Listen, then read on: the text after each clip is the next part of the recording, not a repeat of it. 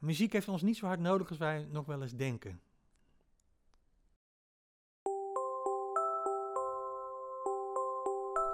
In deze derde aflevering is mijn gast Jeroen Schipper. Jeroen is in 1999 afgestudeerd aan het Utrechts Conservatorium als docent muziek. Hij specialiseerde zich in het basisonderwijs en heeft sindsdien meerdere liedbundels geschreven, voorstellingen gemaakt en nog veel meer. Ik ken hem het beste van zijn vele liedjes, waarvan één hem onlangs de Willem Wilmingprijs bezorgde. Ik ben benieuwd wat voor keuzes hij maakt bij het schrijven van liedjes, wat hem inspireert en hoe hij deze toepast in zijn onderwijs. Nou, dag allemaal. Eh, zoals ik al zei in de leader is vandaag de gast Jeroen Schipper. Jeroen, welkom op de Marnix, want je zit in ons muzieklokaal. Dankjewel. Voor degene die op YouTube kijkt, nou, zo ziet ons muzieklokaal eruit. Helaas, ja, even zwaaien. Uh, helaas geven we geen les in ons uh, lokaal op dit moment vanwege corona. Maar fijn dat je er wilde zijn. Dan kunnen we het even hebben over jouw liedjes, uh, je muziekonderwijs en alles wat er omheen zit. En eigenlijk bij iedereen hetzelfde begin. Ik wil, ben heel benieuwd hoe jij muzikaal bent begonnen. En op 7 oktober, voor Meer Muziek in de Klas, deelden we allemaal een foto van nou ja, een muzikale jeugdherinnering. Mm -hmm. Dus dit is die van jou. Ik ben, wat zien we? Kan je dat beschrijven? ja, ja, we zien uh, mijzelf in het wit uh, en mijn broer Wiebe daarboven. En dit was, als ik me goed herinner, het eind van de zomervakantie. En dan kon je bij ons in het dorp, want ik kom uit een dorp, kon je altijd een soort bonte avond, bonte middag kon je dingen doen. En ik denk dat ik toen net een beetje pianoles had. of een paar jaar misschien al. Dus toen hadden wij, ja, iets bedacht om dat een beetje aan te kleden. Dat was dit. Dus ik ben de zogenaamde de pianospelende marionet van mijn broer. oh, dat is een marionet. Ja, ja, hij heeft dat kruis vast. Hier oh, zitten touwtjes ja, aan mijn polsen. Ik had die en... rode draad. Het zijn hele ja, kleine rode draadjes precies. naar jouw handen. Ook naar je voeten? Nee. nee oh, nee. is geen pedaal nog. Nee, volgens mij niet. Nee, ja, ik dacht misschien is het een soort uh, ouderwetse jaren 70, 80, 90 boomwekker of zo. Maar nee, die waren er toen natuurlijk nog niet. nee. En een oranje hoedje. Het is wel jaren 70. Ja, ik was een soort uh, Pinocchio. En wat er wel leuk aan is, is dat het... Ik, ik kon toen uh, helemaal niet zo heel veel. Maar doordat die, die act erbij verzonnen is, leek het toch heel wat. En uh, mijn broer is tegenwoordig manager van een chemisch concern. Dus die, die gaf een comment op deze foto van... Nou, je kan wel zien waar ik terecht ben gekomen. Hè? Leidinggever, ja. gegaan en ik ben de leidinggevende geworden. Dus dat is wel... Iedereen aansturen, Precies. delegeren, dat soort ja. dingen. Hartstikke. En daarna, je hebt dus pianoles ben je mee begonnen, want ik weet je speelt ook gitaar. Uh, wanneer is dat toen ook begonnen of later pas? Nee, dat was later. Ik, uh, wat ik me herinner, ik begin, ik begon op blokfluit, zoals heel veel mensen in die tijd. Uh, kort. die blokfluit heb ik nog steeds trouwens. Op een gegeven moment mocht ik op de muziekschool in het dorp naast ons dorp zo'n cursus doen van oriëntatie. Een paar weken cello, een paar weken piano. Toen ben ik elektronisch orgel gaan spelen. Zo. Ik weet niet, sommige mensen zeggen het merk Bon Tempi misschien nog wel. Dat is een elektronisch orgeltje met zo'n ingebouwde dunk ritmebox. Nog oh. geen synthesizer, eigenlijk voorloper van de synthesizer. Um, daarna ben ik overgestapt op pianoles. Dat heb ik jaren gedaan. Tot ik in mijn puberteit kreeg ik uh, mijn eigen keyboard. Verkocht ik mijn eigen keyboard. Het was een, zo'n Yamaha keyboard met uh, uh, een soort van alles in. drumcomputer, een paar sporen opnemen, synthesize functie, heel cool. En daar heb ik echt wel uh, heel veel aan gehad en ook heel veel van geleerd. Oké, okay, dus wel echt een achtergrond in de toetsen en daarna een beetje doorgegroeid naar ja. het snaarinstrumentarium. Ja, mijn moeder speelde ooit gitaar en die gitaar stond nog bij ons in huis. En op een gegeven moment had mijn broer die gitaar gepakt. Van nou, dat uh, lijkt me wel leuk. Nou, wat je grote broer doet, wil je ook. Dus ik ging dat ook doen. En uiteindelijk heb ik dat, uh, heeft zij dat niet echt meer uh, opgepakt en heb ik het zeg maar overgenomen. En toen zo is het gitaarspelen begonnen. Maar dat was pas later. Dat was pas later, oké. Okay. En toen ben je gelijk door naar het conservatorium gegaan of heb je eerst nog wat anders gedaan? Want je was in 99 afgestudeerd, zag ik. Uh, ja, ja, en toen was ik al 27. Uh, dus nee, dat, was een flinke route. Ik, ben, ik heb VWO gedaan en toen ben ik daarna uh, sociale wetenschap gaan studeren hier in Utrecht. En ik deed op de middelbare school wel ook al mee aan musicals. Hè. De, de middelbare school musical, dat was echt een ding bij ons. Dat was heel erg leuk. Dus ik ben wel altijd met muziek bezig geweest. Um, sociale wetenschappen uh, was, was, heel gezellig en heel leuk, maar was niet zo'n succes. Tenminste, daar, daar uh, kon ik niet echt uh, ja, veel punten in scoren, zeg maar. Dus toen, toen ben ik eerst nog vervangende dienstplicht gaan doen en hoe heet dat, ja, een beetje gewerkt en uiteindelijk op het conservatorium terechtgekomen. Dus muziek is wel de rode draad in het hele leven geweest, maar echt pas kwam pas later de Ja. kop opsteken. Ja, omdat ik, dat is een beetje de story of my life. Ik, ik, ik ben niet zo'n hele goede muzikant in die zin dat ik niet heel virtuoos ben. Eh, dus ja, ik had ook nooit bedacht dat je daar je beroep van kon maken. Maar wel altijd al gezongen en met cabaret bezig geweest in mijn studententijd. En toen op een gegeven moment eh, zei iemand, ja, er is ook een docentenopleiding muziek. Dat wist ik helemaal niet. Hm. Eh, is dat niet iets voor jou? En toen ben ik dat gaan bekijken en dat leek me wel wat. Heb je en die dat- dan voltijd, deeltijd in die tijd? Of kon dat toen Eh niet? voltijd. Ja, ik, had, ik deed eh, eerst heb ik een soort voorbereidend jaar gedaan om mijn theorie op te, Ja, ja, op te poetsen en mijn pianospel op te poetsen. En toen ben ik voltijd gaan studeren. Leuk. Dus eigenlijk wel een lang traject geweest. Dus, Ja. Maar dan, dan hoor ik al cabaretier en dan op, voor, dus eigenlijk de muziek zat erin. De, voor, het voorstellen voor de klas of nou voor een groep kinderen is in een theater. Want je geeft volgens mij ook veel voorstellingen, Mhm, tenminste ja, in de niet-corona tijd. Ja, dat mag weer op school. mag weer. Oké, nou, ja, dat is mooi.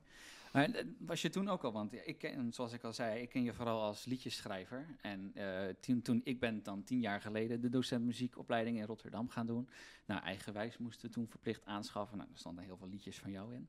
Eh, heel veel mee gedaan in de klasse. Maar eh, was dat dat liedjeschrijven er al in voor het eh, conservatorium? Of zat het ook al in die hele cabaretperiode? Of wanneer is dat een beetje ontstaan? Ehm, nou, die cabaretperiode, dat is zeker de periode waarin ik het, het eigenlijk ja, het, het virus te pakken heb gekregen. Wij deden, ik had een duo met een vriend van mij, Maarten Kuipers, mijn beste vriend. Mhm. En hij was heel erg eh, van de teksten. Dus hij, echt, eh, hij spiegelde zich aan Dr. Anders P. en eh, Ivo de Wijs en Willem Wilming, dat soort mensen. Mhm. En ik was toen heel erg in de muziek. En eigenlijk hebben wij ons in de loop van de jaren een soort kruislinks ontwikkeld. Dus ik heb steeds meer geleerd over teksten, deels van hem. En hij heeft deels van mij steeds meer geleerd over muziek.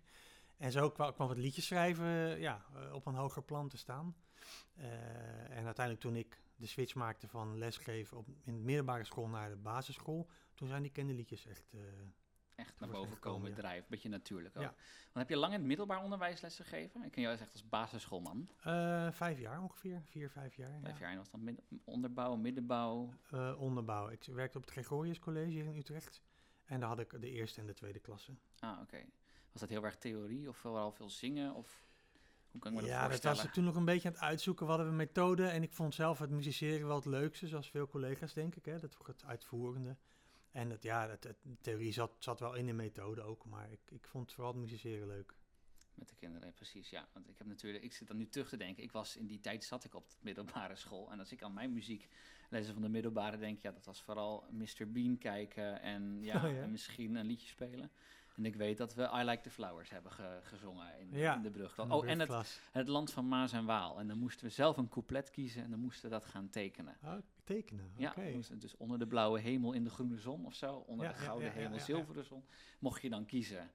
Nou ja, En dan tekenen, ja. ja. precies. En nu denk ik nog steeds aan de reden van die opdracht. maar ja, het was een opdracht uit het boekje, zullen we maar zeggen. Ja, nou, ik moet zeggen, ik vond het ook lastig hoor. Ik, vond twee, ik had iets van acht tweede klassen per week. Ik had alle tweede klassen.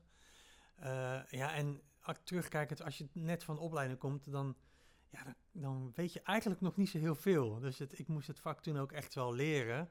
Eh, en dat ging een beetje met vallen en opstaan. En, ik, en pas toen ik later, zeg maar, op het basisonderwijs terecht kwam, kwam toen had ik het idee dat ik wat meer mijn, mijn plek had gevonden en, en me daar echt, ja, echt goed in kon ontwikkelen. Wat, heb jij, wat neem je nou het meeste mee dan van die periode als middelbaar onderwijsdocent naar nu dat je toen basisschooldocent werd? Was er echt een kernpunt waarvan je denkt van, goh, ik ben toch blij dat ik die ervaring heb meegenomen? Ehm, nou ja, wat me het meest is bijgebleven is toch wel eh, de connectie die, die veel jongeren met muziek hebben. Zeg maar de rol die muziek in een puberleven, in een mensenleven speelt, maar een puberleven vaak nog veel heftiger. Eh, dat, ja, dat, dat vond ik wel heel, heel mooi om te zien soms. Ik weet dat ik de school ben bijvoorbeeld en er zaten echt, ja, er zaten echt kinderen bij die zeg maar een soort van gered werden door de muziek. En ik denk dat er veel pubers dat gevoel hebben dat hè, music saved my life. Eh, bijna Ja. letterlijk. Bijna letter. Ja, ik, heb, ik, was zo, ik was bijna zo'n type. Ja. Ik deed heel veel op school, maar niet altijd voor school, maar wel van dat soort randzaken. Precies. Zoals nee. inderdaad het ik had het zelf ook. ik, ik had die, die eh, musical club op de middelbare school. Nou, dat heeft me echt wel eh, door een moeilijke periode heen gesleept. Dat, eh, Oeh, Ja. moeten we daar nog dieper op ingaan? Of eh, Nou, ja, ik denk is dat dat... een bron van inspiratie die je nog wel eens... Niet zozeer een bron van inspiratie. Nou, het was sowieso, het zijn hele hechte vriendschappen ontstaan. Maar mijn, mijn moeder overleed in het begin van de middelbare school. Dus dat was wel... nou, dat was natuurlijk heftig. En ik had daar toen niet heel erg van... Oh, muziek heeft nu mijn reding. Maar achteraf gezien heeft die musicalclub daar wel mij bij geholpen... om daar een beetje... Ja, want het geeft je toch een sociaal vangnet en zo. Met mensen die gelijk gestemd zijn, hetzelfde doel hebben. Zeker. Dan kan je daar wel echt in zo'n groep erbij horen. Dus dan Ja. heeft ook de muziek zo'n een echt het sociaal-emotioneel eh, as- aspect. jou allebei, ja. Want, want die muziek, die muziek, die, ik weet nog wel, dat, dat, dat raakte ons allemaal wel heel echt eh, diep. Van wow, dat, hè, dat dit ook kan met muziek. En eh, dat was, ja, dat was echt goed geschreven destijds. Dus dat, eh, dat was echt mooi. Mooi. Toen de eh, overstap naar het basisonderwijs. Mhm. En eh, nou ja, ik ben vooral eigenlijk zo meteen geïnteresseerd in eigenlijk van nou, de keuzes, hoe je die maakt in een kinderlied en zo. Want dat is toch wel een beetje, nou ja, Ja. nogmaals hoe ik je ken en wat jouw expertise is. Maar wat, dan ben ik dus heel benieuwd, wat is dan het eerste kinderlied wat je hebt geschreven? En ben je daar nog steeds trots op? Is misschien wel een goede tweede vraag. Ik, nou, ik weet het niet meer zeker. Ik weet wel dat ik ooit... Ik was dus al in het cabaret liedjes schrijven bezig. En dat, eh dat hadden veel gedaan al. Volgens mij een van de eerste liedjes die ik me kan herinneren... Dat, maar die heb ik toen niet afgemaakt, want die vond ik niet goed. Hoe het nou ja, hier- het was een soort onzintekst. Youkadiddle day of zo. Er was een soort figuurtje. eh, Ken je Youkadiddle day? Eh, Kijk, daar gaat hij, doe maar mee, zoiets. En het refrein was day, Youkadiddle day. Maar die is nooit afgemaakt, ook helemaal nooit met kinderen gezongen. Nee, een van de eerste, een van de eerste is, is de Echo Put, dat kan ik me herinneren. Ehm, ja, daar ben ik wel trots op nog steeds. Want het is een, eigenlijk een heel simpel Wordt liedje. vaak nog gedaan, heb ik ook wel het idee. Ja, en in deze tijd, eh, ik heb hem ook ooit omgeschreven naar Echo Piet voor Sinterklaastijd. Ja. Eh, dus die, die wordt nu ook veel gedaan. Ja, nee, die, eh, ik, de reden waarom ik wel trots ben, is omdat hij een aantal dingen combineert op een hele logische manier. Als je het liedje hoort, denk je ook van ja, de, logisch, weet je. Het is een walsje eh, en, en de tekst en de ritmes zijn zo opgebouwd dat er een, een natuurlijke stilte valt waarin de echo moet komen in het lied. Precies. Eh, ja, en, en, en er staat geen woord te veel in eigenlijk. En dat vind ik ook dat wel mooi. Dat het, er zit geen, geen Ja, dus opvul dingetjes de in. X-factor is toch, nou ja, niet per se dan misschien het muzikale, maar de tekst of zo. Nou, nee, wat, Of een wat combinatie. Ja, of- de- voor mij is de combinatie eigenlijk vaak de X-factor. Dat, want eh, hè, dat is een, eh, de melodietje is la ta ta ta da ta ta da da. Het is echt een beetje een hoempa walsje, wat je een beetje aan eh, Tiroler muziek doet denken. En Tirol is natuurlijk het land van de bergen, waar je de echo hoort. Dus Zeker. het, de, op, de, hè, op die, die verschillende manieren kloppen de elementen met elkaar. En daar gaan we het straks vast ook nog meer over hebben. Want dat is voor mij een van de voorwaarden voor een goed liedje. Is dat, dat een liedje verschillende lagen heeft en verschillende kenmerken heeft. Die, die allemaal, als het goed is, met elkaar in overeenstemming zijn en elkaar versterken. En dit is daar een voorbeeld van. Zeker. Is dat ook het liedje waar je dan het meest trots op bent? Of gewoon ergens nog eh hebt? Of, eh, is dat, Mm. of zit daar nog in? Er zullen vast nog wel wat knijters eh, of knallers Ja, het, het, het ligt een beetje aan waar je, op wat, voor- wat voor manier je trots kan zijn. Kijk, je hebt natuurlijk het, het meest succesvolle liedje. Ik heb een liedje waar ik een prijs mee gewonnen heb. Maar ook een liedje waar ik zelf gewoon het meeste heb. Of waar ik een bijzondere herinnering aan heb. Dus ja, ik, Ja. kan er niet één liedje noemen. Is er niet, oh, dan ben ik wel benieuwd. Wat is dan voor jou het meest waardevolle liedje op dit moment? het meest Dat zal- waardevolle liedje. is dat Oei. dan altijd je laatste? Of dat kan ik me ook voorstellen. Mm, nou, nee, het is niet per se het laatste. Eh, ja, ik, ik, ik kan niet meteen een titel noemen, maar ik denk toch waar, waar het, de meeste mensen het meeste aan hebben. Klinkt een beetje gek. Maar bijvoorbeeld het liedje Banaan is, is momenteel mijn grootste hit. Met name door, ook door het leuke YouTube-filmpje van Edwin Sing. Eh, ja, als ik me dan bedenk dat daar gewoon, eh, weet ik wel, honderdduizenden kinderen blij van worden. Wat ik zo letterlijk, ja, dan denk ik van, ja, dat, dat vind ik wel heel waardevol. Dat kinderen daar. Oké, ja. Was dat ook het doel van dat liedje? Om de kinderen blij te maken? Ik ben wel benieuwd waar dat dan, want uh, laten we deze dan als uitgangspunt nemen. Ja. Van, wat, wat maakt dan dat liedje nu, dat het liedje zo succesvol is? Is dat uh, de tekst, is dat de melodie, is dat het thema? Of, en dan ben ik ook benieuwd, waar komt die vandaan? Maar laten we eerst even Ehm. Ja. naar de elementen kijken, anders gaat het allemaal door elkaar. Ja, eh, ja, ook een beetje lastig. natuurlijk. Waar komt het vandaan? Ehm, is, ja, dat, het gek is bij, vaak bij de beste liedjes, eh, weet ik dat niet meer zo goed. Dus dat is toch een soort van, En dan komen ze ook in één keer uit. ja, maar dat, dat, dat is niet. Maar het is meer dat je dan in een soort proces zit wat heel snel gaat. Ik denk dat het in dit geval kwam doordat ik gewoon wel eh, een liedje over een banaan wilde maken. dat, dat het uitgespeeld was. Onder andere omdat eh, de andere grote hit over bananen is De Grote Banaan uit Afrika. Die staat ook in Eigenwijs. Een heel leuk liedje. Precies. Die heb ik ook eh, op mijn basisschooltijd zelf ook geleerd. Waardoor ik denk ik het idee van ja, bananen is gewoon leuk. Weet je, een banaan is een, is een, is een goed onderwerp. Mensen hebben allemaal iets met bananen. Het is een, het, het- de klank is mooi. Banaan is een, gewoon een mooi klinkend woord. Dat vind ik ook vaak belangrijk. En waarschijnlijk ging het dan zo dat ik, eh, dat ik de refreinregels eerst had bedacht. Ik ga begin wel vaak met tekst. Dus banaan eh, eigenlijk te krom om te staan. Toch staat de banaan bovenaan. Nou ja, dat, dat, hè, dat, eh, te krom staan, dat is een grapje wat erin zit. Ik denk dat ik dat eerst had. Ja, en waarom is het dan een succes? Nou, ik noemde net al, eh, dat is zeker niet onbelangrijk, het, het clipje. Oké, ik heb het liedje Mhm. eh, niet voor 1, 2, 3 zien gemaakt, maar die hebben het soort geadopteerd, want die vond het ook leuk en zeiden, joh, het Mogen wij dat liedje hebben? Mag, dan krijg jij een mooi clipje erbij. En, zo, eh, het en dat is gewoon een heel mooi clipje geworden. En dat, dat werkt heel erg mee. Ehm, ja, en ik denk de, de muziek, het is een beetje een Latin, Latin muziek. Het is een lekker tropisch. Dat past natuurlijk bij bananen, waar ik net over had. Dat, dat het onderwerp, zeg maar, ja. Eh, de begeleidingsstijl past bij het onderwerp. Namelijk een tropische muziek bij een tropische vrucht. De humor is altijd belangrijk. Er zitten, er zitten grapjes in. Eh, ik werk eigenlijk ook altijd met, met, met, echt met professionele muzikanten samen. En dat, dat hoor je er toch ook aan af. Weet je? Het, het wordt echt gewoon op hoog niveau gespeeld. Mhm. Eh, dat speelt ook mee. Ehm, ja, en jij noemde net al de X-factor. Dat, dat, dat speelt ook wat mee. Je weet het ook nooit helemaal precies. En dat vind ik ook wel Nee. mooi. Weet je, het ene liedje, dat denk, denk ik van, nou ja, dit is hem. En dan, Totaal niet. nou, de- totaal niet gebeurt gelukkig niet meer zo vaak. Maar, maar ook dat mensen dingen heel erg leuk vinden. Waarvan ik denk van, ja, oké, best een leuk liedje, maar waarom nu zo? Ja, maar ik denk dat ook dat de ervaring van het ambacht is, weet je wel. In het begin zal Ja. je vaker een mispeer hebben. Zeker. Een leuk liedje, de mispeer. nee. en, eh, en ja, dan, en nu denk je dat je gewoon weet wat werkt en zo. Maar ja, ik, ik, eh, ik heb een liedje Banaan zelf nooit gedaan. Want ik ben vooral bezig geweest vanuit eigen wijs en zo. Ja. En daar staat hij niet in. En 1, 2, 3 zingen Nee. is er pas later bijgekomen voor mij.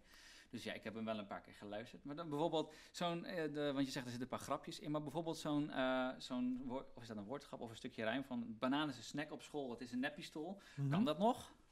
Hoe bedoel je? Nou ja, een pistool op school, weet je wel. We zitten toch wel, in, als we even in de tijdgeest Ja, van ja, tegenwoordig ja, ja, plaatsen. ja. Ehm, Want ik weet nog dat, eh, als ik daar een eh, beeld bij mag geven, ik weet nog dat er heel veel gedoe was over dat liedje van Jochem Meijer, wat hij had geschreven voor Kinderen voor kinderen, denk met ik. het ja. eten, Dat was ook met het eten. Ja. nou ja, dan, dat, als dat al niet, niet oké Ja, is. nou ja, ik vind het in ieder geval altijd interessant als er van die gesprekken komen. Kijk, de, de, eh, in, in dit liedje is het, het is een snack op school. Het is een neppistool. En eh, dat vind ik zelf, vind ik eigenlijk niet zoveel mis mee, weet je. Het is, het is een neppistool. En ja, iedereen die een banaan in zijn hand heeft, heeft wel eens gedaan, pief, paf, Ja, poef. tuurlijk. Ja, en het kan best zijn dat er een tijd komt dat dat niet meer kan, weet je. Dat, eh, nou ja, dat, dat, dat zien we dan wel weer.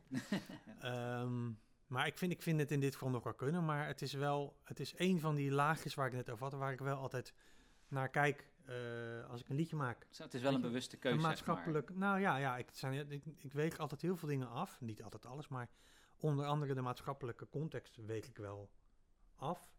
Eh, en ik, ja, de ene keer kies ik ervoor om daar dan niks mee te doen. Maar de andere keer denk ik van, oh ja, dat doe ik misschien toch, toch maar wel. Bijvoorbeeld Sint Swingt, noemde jij net al in ons voorgesprek. Ja. Dat is een van de Sinterklaasliedjes van, eh, voor mij. Die, is, die heb ik geschreven eigenlijk in het begin van de Pieter-discussie tijd. Eh, ja, en toen heb ik wel min of meer bewust ervoor gekozen om in dat lied eh, geen Piet voor te laten komen. Maar alleen de zin. Alleen de Sint. En dat kon ook prima. Dat geval. Dus, dus dat soort afwegingen maak ik eh, vaak wel. Maar het voorbeeld van Jochem Meijer even neemt. Ik vind, ook, ik vind dat je er ook weer niet al te... ja, je moet daar niet al te pieperig over doen, laat ik het zo zeggen. Nee, Op mijn, in mijn laatste boek st- staat het liedje Pizza, pannenkoek, friet met een ijsje toe. En dat schreef ik eigenlijk in de tijd dat het liedje van Jochem Meijer in opspraak kwam. En toen dacht ik ook van oei, moet ik dat nu nog wel doen? Want toen heb ik er even over nage- nagedacht. dacht ik, ja, weet je, vanuit een kind gedacht eh, is dat gewoon hartstikke leuk. Weet je, Ja, Het is, eh, en ik heb ook liedjes over fruit. En ik, en, en ik ben best wel, eh, er zit ook wel en engagement in mijn liedjes en emancipatie in mijn liedjes. Dus ik ben daar altijd wel vooruitstrevend in. Maar het moet wel in balans zijn wat mij betreft. Dus er mag ook best eens gewoon gesnoept worden Precies. en, en wat minder politiek correct gedaan worden. Ah, ik heb zelf één keer een frietlied geschreven voor een musical. Dat was ook friet, friet, friet, friet, friet.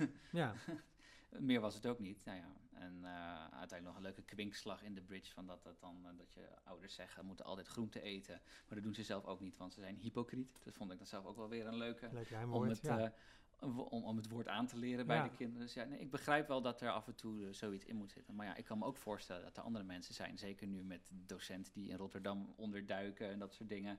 En toch eh, veel, nou ja, ik, ben, eh, ik heb les gegeven heel veel in Rotterdam-Zuid. Nou ja, dan zou ik dat toch wel twee keer hebben overwogen om dat lied dan te gaan kiezen. van die friet? van de of banaan, van de, en, de, en, de, en de, dat de banaan op Oh, ja, ja, ja. ja. een Oké. pistool is. Dan zou ik dat, dat is dan toch wel iets wat ik dan, Ja. dan echt serieus moet overwegen van, kan dit in, in deze buurt? Precies, nou dat kan ook in dat buurt eh, gevoelig zijn. Dat, eh, daar moet je dat vind ik ook, daar moet je wel altijd wel eh, open voor staan in ieder geval. En ja, en dan moet je elke keer weer je keuze in maken. Dus dat ben ik wel met je eens. Nou, mooi. ja, ehm, ja, dat was dan de banaan. Dus ja, even sinds Swing. Dat is wel leuk, want dat is 1, 2, 3 Zing natuurlijk. Dat, dat heb je echt voor 1, 2, 3 Zing geschreven. Ja. Nou ja, eh, deze, het is vandaag 2 december, dus eh, Sinterklaas is nog niet weg. Maar eh, ik ben heel benieuwd, is dat het, dat, dat ritmespel, hè, dat nou bij Sint Swing zit, heb, is dat ook van jou of komt dat dan vanuit 1, 2, 3 Zing? Zo'n, zo'n, nee, dat heeft, hebben zij gemaakt. Ja. Bij, bij Eentje Zingen werkt het meestal zo dat zij mij een specifieke opdracht geven. Mhm. Eh, elk jaar voor de kinderboekenweek bijvoorbeeld schrijf ik een lied voor ze. In dit geval was het, ja, we willen een nieuw Sinterklaaslied. Eh, en die opdracht was verder geloof ik wel vrij. Ehm, ja, ik, ik heb dan wel altijd gedurende het proces even eh, contact met van, joh, ik ga nu die kant op, staat oké, een beetje dit en een beetje dat. Eh, en dan gaan zij daar vervolgens eh, mee aan de slag. Dus zij krijgen van mij zeg maar gewoon een met de telefoon opgenomen demootje met piano en zang of gitaar en zang. En zij gaan het helemaal produceren en een clip Oh, ja. maken en al het lesmateriaal maken. En ik, als het nodig is, hou ik daar in het schrijven wel een beetje rekening mee. Maar zij zijn ook wel zo handig dat zij eigenlijk overal wel ook lesmateriaal bij kunnen verzinnen. Ja, precies. Dus, dat, ik weet niet, ik eh, weet even niet precies wie er natuurlijk allemaal bij Intuitie be mee bezig zijn en mee werken. Maar dat even als we over het ritmespel kijken, hè, want dan is het... eh, mm, ja, ik ben heel benieuwd hoe jij dat ziet. Want ik zie dat en dan denk ik, we hebben drie instrumentgroepen. En Mhm. dan moeten we spelen op het juiste moment. En dan vliegen de pakjes in de schoorstenen. Ja. Visueel super aantrekkelijk. Maar is dat muzikaal?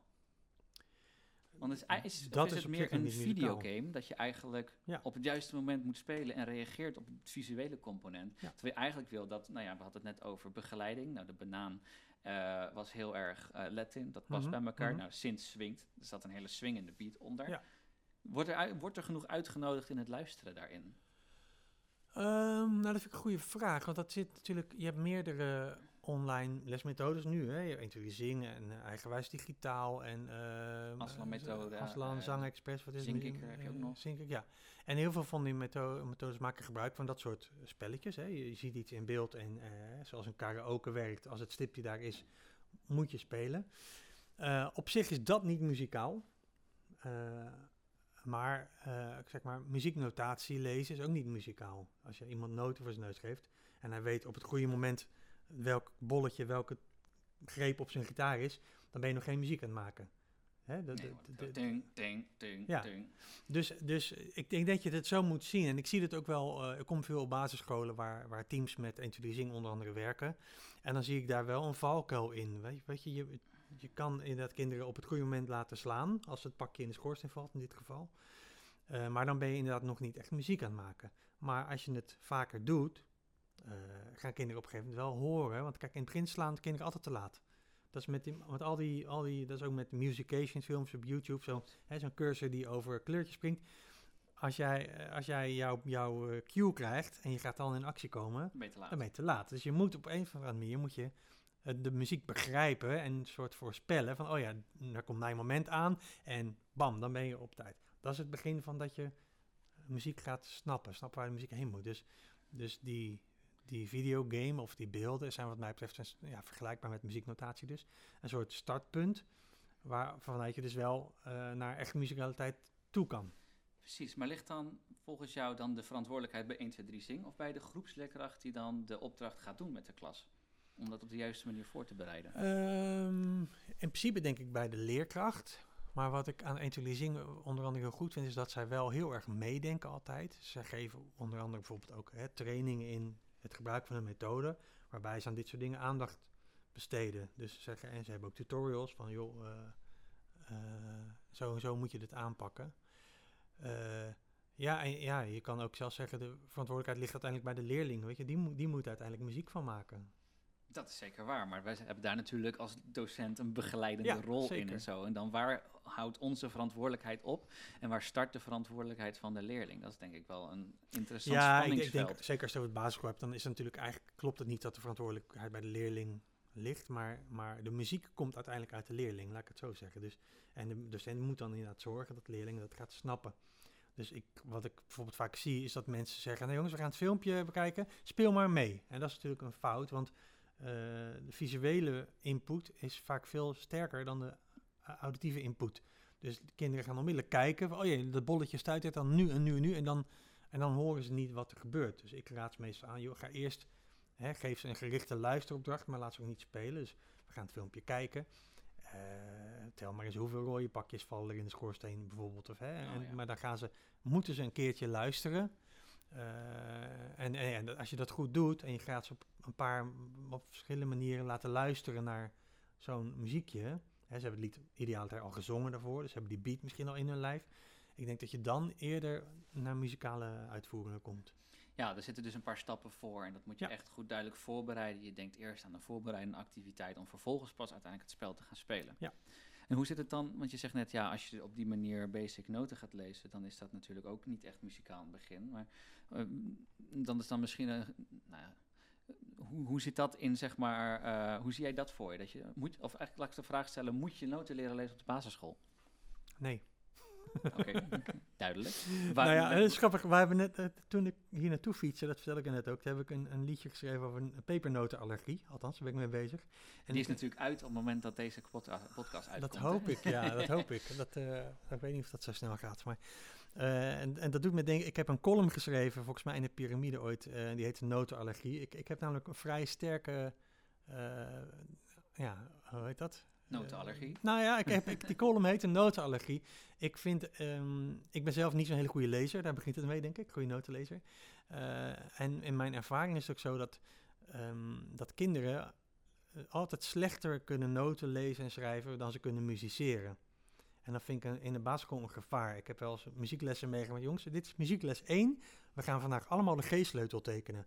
Nou, daar krijg ik echt jeuk van. Hè? Bijna letterlijk. Mijn ogen rolden nu ook hoor, dat vind ja, ik Ja, want dat is nou niks met muziek te maken. Dus ik denk dat je moet beginnen met kinderen muziek laten ervaren. Op alle manieren spelen, zingen, eh, verzinnen, luisteren, dat soort dingen. En op een gegeven moment kan je daar dan notatie aan koppelen. Maar in mijn praktijk en in mijn ervaring um, heb ik dat punt nog niet bereikt in groep 8. Weet je, ik, ik ben nog niet uitgespeeld uh, in groep 8. Uh, eh, op, tot een niveau waarvan ik denk van, oh ja, nu is echt wel nodig dat ze ook noten leren lezen. Maar dat is ook persoonlijk hoor. Mm -hmm. ja, moet je ook, ja, dat daarom is ook de gewetensvraag. En voor iedereen is die anders. Moet je noten leren lezen of moet je het niet? Nou ja, uitgespeeld in groep 8. Ik denk, je bent sowieso natuurlijk niet uitgespeeld. Ook niet in groep 8. Nee. En uh, ja, en daarom, maar daarom stelde ik ook die vraag. Want uh, nou, jij bent, hebt dus no pepernoten of notenallergie. ik, ik ben daar wel dan heel benieuwd naar van. Maar hou je er dan met dat soort muzikale inhouden als dan toonhoogte, noten lezen, bepaalde ritmes, als jij een liedje schrijft? Of ben je, laat je dat helemaal los en je doe je gewoon wat je wilt of dat je denkt dat het nodig heeft? Bedoel je de, uh, qua... Uh, ja, qua ritmes of qua toon, de bepaalde toonhoogte? Oh, zo. Nee, nee ik, hou, ik hou in principe wel altijd rekening met wat, uh, wat, wat kinderen ongeveer kunnen en kennen. maar dat, ja, dat, dat is voor mij hangt het niet zo erg samen met notatie. Dus ja, ik weet, ik weet hoe hoog en hoe laag kinderen ongeveer horen te kunnen zingen. en Hoog weet toch? ja, in theorie. Uh, en, ja, op zich. Ja, en, en, ritmisch kunnen kinderen denk ik uh, vaak meer dan we denken uh, tegenwoordig.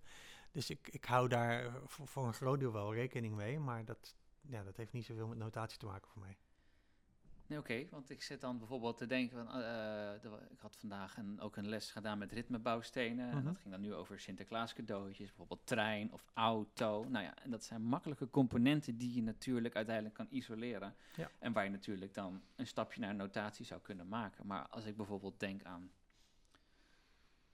Eh, nou, de fruitsalade bijvoorbeeld, dat is ook een eh, lied van jou. Die, heb ik, die gebruiken wij trouwens hier heel vaak in onze didactiek voor het lied aanleren. Mhm. Dus daar ben ik heel erg blij mee. Maar als ik daar dan kijk naar de ritmes van de melodie, dan denk ik van ja, hier zou ik dus nooit een makkelijk ritme van het couplet bijvoorbeeld uit kunnen isoleren. Waarvan ik denk, ja, dit ga ik nu omzetten bijvoorbeeld naar dat noten leren lezen. Dus, maar daar ben je dus niet actief mee bezig. Niet op die manier, nee. Nee. Nee, en wat jij noemt, dat doe ik ook wel, hè. Je hebt van die ritmebouwstenen, bijvoorbeeld met fruit, appel, Hm. peer, ananas, appel, dat soort Mhm. dingen gebruik ik ook. Maar, eh, en dan gebruik ik wel vaak ehm, pictogrammen of grafische notatie. Maar dan, is, dan heb ik daar een doel mee om bijvoorbeeld te componeren. Dus dan laat ik ze, eh, hè, die ritmes Mhm. op een volgorde leggen. eh, en dan hè, om visueel te maken wat ze hebben bedacht. Op die manier gebruik ik wel notatie. Maar ik ga niet denken van, eh, notatie is nooit een doel voor mij in, eh, in de basisschool. Van, van, oh ja, ik ga vandaag eh, werken aan het notenschrift. Oké. Ja, ik vind dat wel interessant. De appelpeer, die gebruik ik zelf nooit. Ik ga dan toch altijd merken, ik val terug op echt ritmetaal. Mhm. Zodat, ik ook zodat je ook de verschillen de kan... titi, tata en dat soort Ja, dingen. takadimi in dit geval, want titita is inderdaad de Hongaarse ritmetaal Ja, ja, uit, voor eh, Kodai. voor Kodai-methode. Nou, takadimi komt uit Amerika, dat is dan weer gevormd door Gordon, eh eh, Kodai, et cetera. Er zijn nog veel meer soorten Mhm. ritmetaal. Maar wat mij altijd een beetje stoort aan appelpeer, is dat je dan een, eh, of al, eigenlijk appel en sinaasappel, dan zie ik één appel, of eigenlijk, laten we even peer zeggen. Ik zie Ja, één peer, ja. dan denk ik, oké, logisch, ik zie een peer. Peer. Ja. Maar dan zie ik een sinaasappel, dan verwacht ik vier sinaasappels. Die aan elkaar zitten met, twee, met een dubbele streng. Zodat je weet, dat is visueel stiekem al een beetje notenschrift. Oh ja, En dan heb je ook, is het ook logischer dat je vier keer tikt, sinaasappel. Maar ik zie dan één sinaasappel. En dan denk en heel veel kinderen doen dan, oh, ik zie weer dat visuele, sinaasappel. Ja. Mm, het is één woord, dat klopt, maar je wilt toch die vier geluiden horen. Dus, maar ik zag een laatste mooi voorbeeld bij iemand. Dan zag ik één peer en dan zag ik twee kersen die aan elkaar hingen. Dan denk ik kersen. Ja, kijk, Ja. peer, kersen. Dan, dan vind ik dat al veel meer waardevoller voor de muzikale inhouden in een muziekles. Dan, eh, ja, dan nou, ja dat, dat, is, dat is waardevol als je inderdaad iets wil leren over notatie. Precies. En zoals ik het gebruik, wil ik ze eigenlijk niks leren over notatie, maar wil ik ze iets leren over componeren en ritmische bouwstenen. Dus, dus, maar wat ik wel meestal doe, is dat ik heb dan van die ritmekaarten. Ik heb inmiddels een hele collectie in elk mogelijk thema. Maar om even bij het fruit te blijven, ik heb dan op één kaartje staat een plaatje van een appel. Daaronder staan twee zwarte stippen. En daaronder staat het woord geschreven in twee lettergrepen. A, streep, ap, streepje, pol. Mhm. Dus je hebt eigenlijk op drie niveaus heb je de informatie. Je hebt gewoon het plaatje van, oh ja, dat is een appel, snap ik. Je hebt eh, eigenlijk een soort pre-notenschrift. Ik zie twee, twee stipjes, want ik moet twee keer klappen. En voor die wie de taal wil gebruiken, staat de taal daar ook op.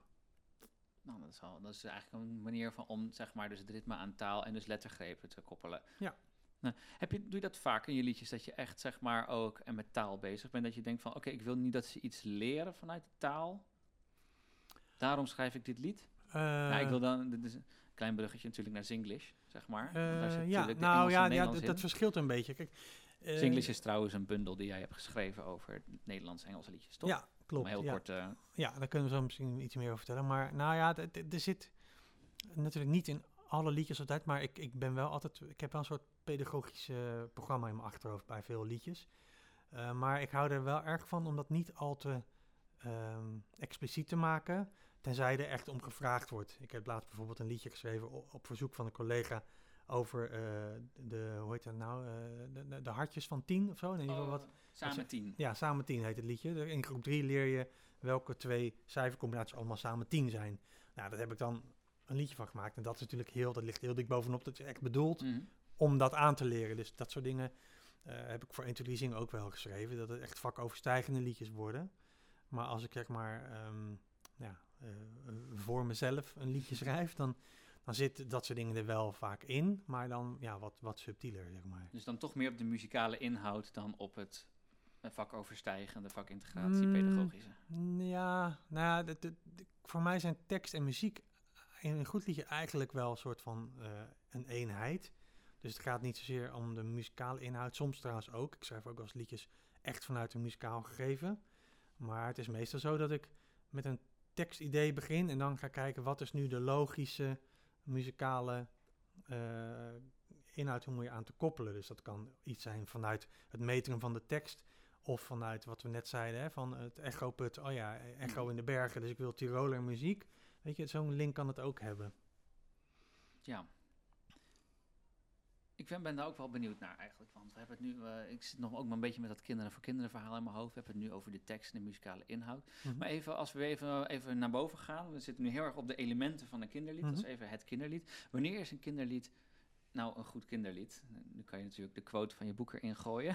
van een goed kinderlied zingt zichzelf. Maar een tijd geleden, of misschien nog steeds, was er wel een discussie op Facebook. Vooral over kinderen voor kinderen. En dan ook met name, nou jij schrijft voor 1, 2, 3 Zing. Eh, altijd voor kinderboekenweek, zei je net, Mhm, een ja. lied. Dat doet kinderen voor kinderen ook.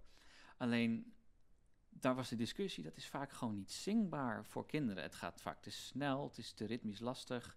Ehm, in, in welke vorm ben jij je daar bewust van? Dat een lied echt zingbaar is of moet zijn? Want eh, de, de discussie was dat, dat Kinderen voor Kinderen veel meer schreef als eh, kinderpop, dus om naar te luisteren. Dus zijn jouw liedjes echt om te zingen of echt om te luisteren? Of heb je daar ook verschil in? Ehm, nee, en hoe zie eh, jij dat? Op een, op een enkele uitzondering na misschien zi- zijn mijn liedjes wel echt bedoeld om door kinderen gezongen te worden. En dat is inderdaad ook eh, dat is een belangrijk punt. Eh, maar als je vraagt van ja, wat is een goed kinderlied, dat, dat, dat hou ik bewust altijd ook een beetje open. Want hè, sowieso, dat boekje wat je noemde dat ik geschreven heb, dat, dat gaat ook alleen over wat, wat ik een goed kinderlied vind. Weet je? En, en ik ben ook maar eh, iemand. Ehm, en ja, je kan altijd voorbeeld noemen. Bijvoorbeeld, ik geloof dat nu het meest, meest bekeken filmpje op YouTube momenteel is, geloof ik, Baby Shark. Dat klopt. 65 miljoen, ik niet, echt belachelijk hoor, veel. meer. Nou, meer- misschien echt, Ik denk heel erg veel views. Ja, dat zou goed kunnen, echt, ja. eh, ik moet bekennen dat ik het pas een paar weken geleden voor het eerst gehoord heb. Ook wel een beetje bewust ontlopen. Maar ja, dan kan je dus puur op die getallen, kan je zeggen, dat is een goed kinderlied. Waarom is het een goed kinderlied? Omdat miljoenen, miljarden kinderen op de wereld te blijven worden. Punt. dat is al genoeg. Dan kan je zeggen, nou dat is een criterium om te zeggen van is het een goed kinderlied? Ja, het is een goed kinderlied. Heel veel kinderen worden er blij van, gaan erop dansen, helemaal goed. Toch? Dus dat is een, en dat vind ik ook echt, dat vind ik ook echt waar hoor. Ik vind het dus ook, dus ook echt een goed kinderlied. Waar, waar ik en jij ook natuurlijk, eh, wij zitten in een ander soort scene. Wij zitten in het muziekonderwijs, waarbij je eh, kinderen een muzikale ontwikkeling door wil laten maken. Eh, eh, ja, en, dus, dus moeten ze liedjes kunnen zingen. En moet er muzikaal gezien iets, iets, iets eh, interessants gebeuren in het liedje. Ik schrijf bijvoorbeeld ook nooit lange rusten in een lied, omdat ik ook wil dat de kinderen het liedje kunnen zingen zonder dat er een begeleiding bij is. Weet je? Dus eigenlijk gewoon de melodie en de tekst op zich moet het lied al dragen. Nou, dat, zi- dat zijn nog- kan ook al tien dingen noemen, maar dit zijn allemaal dingen die je bedenkt vanuit die praktijk in de klas. Eh, dus voor mij zitten daar een aantal criteria aan waardoor ik iets een goed kinderlied vind binnen mijn context. Maar ja, eh, eh, ja wat ik zeg, de, de, context maakt heel veel uit. En als iemand, als iemand heel erg blij wordt van een, in iets wat ik heel slecht lied vind, ja, dan is het nog steeds voor die persoon een goed kinderlied. Dus dat is ook iets, iets deels iets subjectiefs, denk ik. Ja, en ik, is, dat, is dat misschien niet ook een beetje, eh, nou, ik, zou, ik wil het geen probleem noemen, maar is dit niet wat er een beetje in Nederland speelt? Dat we eigenlijk veel te veel subjectieve eilandjes hebben van meningen van wat nou een goed kinderlied is. En dat, dat daardoor iedereen misschien op één of, op zijn eigen manier zijn onderwijs invult. Niet dat dat slecht, iets slecht is, hè, dat, iemand, dat iedereen zijn eigen onderwijs op zijn eigen manier invult.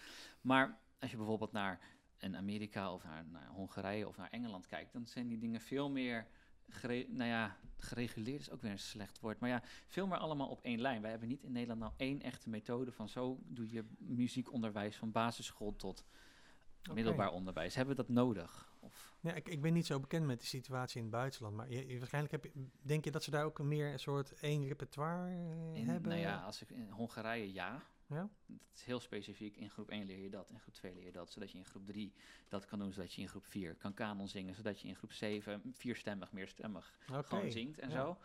Natuurlijk is dat op de ene school wordt dat heel goed uitgevoerd, op de andere school wordt dat Mhm. minder goed uitgevoerd. Nou ja, in eh, Amerika zijn er, als je in, bij bepaald, ja, dan is het ook weer wel weer wat breder. Dat ligt ook echt weer aan de school. Eh, en in Engeland, eh, zover ik weet, zijn er op heel veel scholen is dat ook gewoon. Een, nou, wat ik me- Ja, vooral merk is wel dus een een curriculum. Dat- strakker ja. curriculum, maar ook dus meer aanwezig in de basisschool. Dat Ja. hebben we natuurlijk in Nederland al wat minder. Nou, dat is denk ik wel een ding. In Nederland is natuurlijk uh, het muziekonderwijs uh, in ieder geval lange tijd ja, een soort ondergeschoven kindje geweest en niet zoveel aan gebeurd. Uh, is nu gelukkig een beetje aan het veranderen. Dus ik denk dat dat wel uitmaakt. Maar ik moet even denken wat ook weer precies de vraag was. Maar ik, ja, ik geloof niet dat het repertoire, het, het zangrepertoire, nou per se uh, bepaalt uh, ja, hoe nou, leeronderwijs... Laat ik niet zeggen het zangmateriaal, maar dat we wel een lijn hebben. Want we hadden het in het over, dan, uh, dat is dan heel specifiek de notatie. Moet je notatie mm -hmm. leren? Nou ja, dat, we kunnen het doen, maar dan moeten we daar een keuze in maken. En jij zegt heel duidelijk, nou, dat hoeft voor mij niet. Nou, dat is mooi. En, de, en een persoon B of persoon C dus zullen zeggen, ja, dat doen we wel. Ja. Dat, en, maar moeten we daar, dan, dan heb ik het gevoel dat dat ver uit elkaar ligt. En dan is mijn vraag, moeten we dat dichter bij elkaar brengen? Dat we een iets groter Ja. geheel hebben door heel Nederland tussen haakjes. Ehm, ja, of is nou, dat niet ik wenselijk? weet niet of dat wenselijk is. Ik kan me voorstellen dat het wel, dat het wel helpt. Zeg maar, hè. We, we zitten nu in, in een pabo en jij, wer- jij werkt ook op de Mhm. pabo. Ik kan me voorstellen als, hè, als, als pabo's daar eh, ja, een soort eh, sturende factor in worden, dan heb je natuurlijk over een paar jaar een soort generatie docenten opgeleid die allemaal op een bepaalde manier in ieder geval aan muziekonderwijs werken. Dus dat zou kunnen. Ja, en ik denk ook dat, dat die digitale muziekmethodes daar ook een rol in kunnen spelen. Eh, ik, ik- ja, je hebt nu een paar grote spelers, hè, eh, eigenwijs digitaal, 1, 2, Zing en eh, Muziek Express. Of eh, ja, Zang Express, ik weet nooit hoe. Ja, Zang- Zang Express heet het. Zangexpress is het volgens mij, Ja. ja. Ehm, Het was Ja. Zangmakers, nu is het Zangexpress. ja, Dat precies. En daarom ben ik altijd in de war. Ja, eh, kijk, als, als, als die op één lijn zouden zitten, of een van die drie wordt echt duidelijk de grootste, dan heb je natuurlijk een soort van standaard van, nou, dit gaan we de kinderen leren. Dat, en dat is...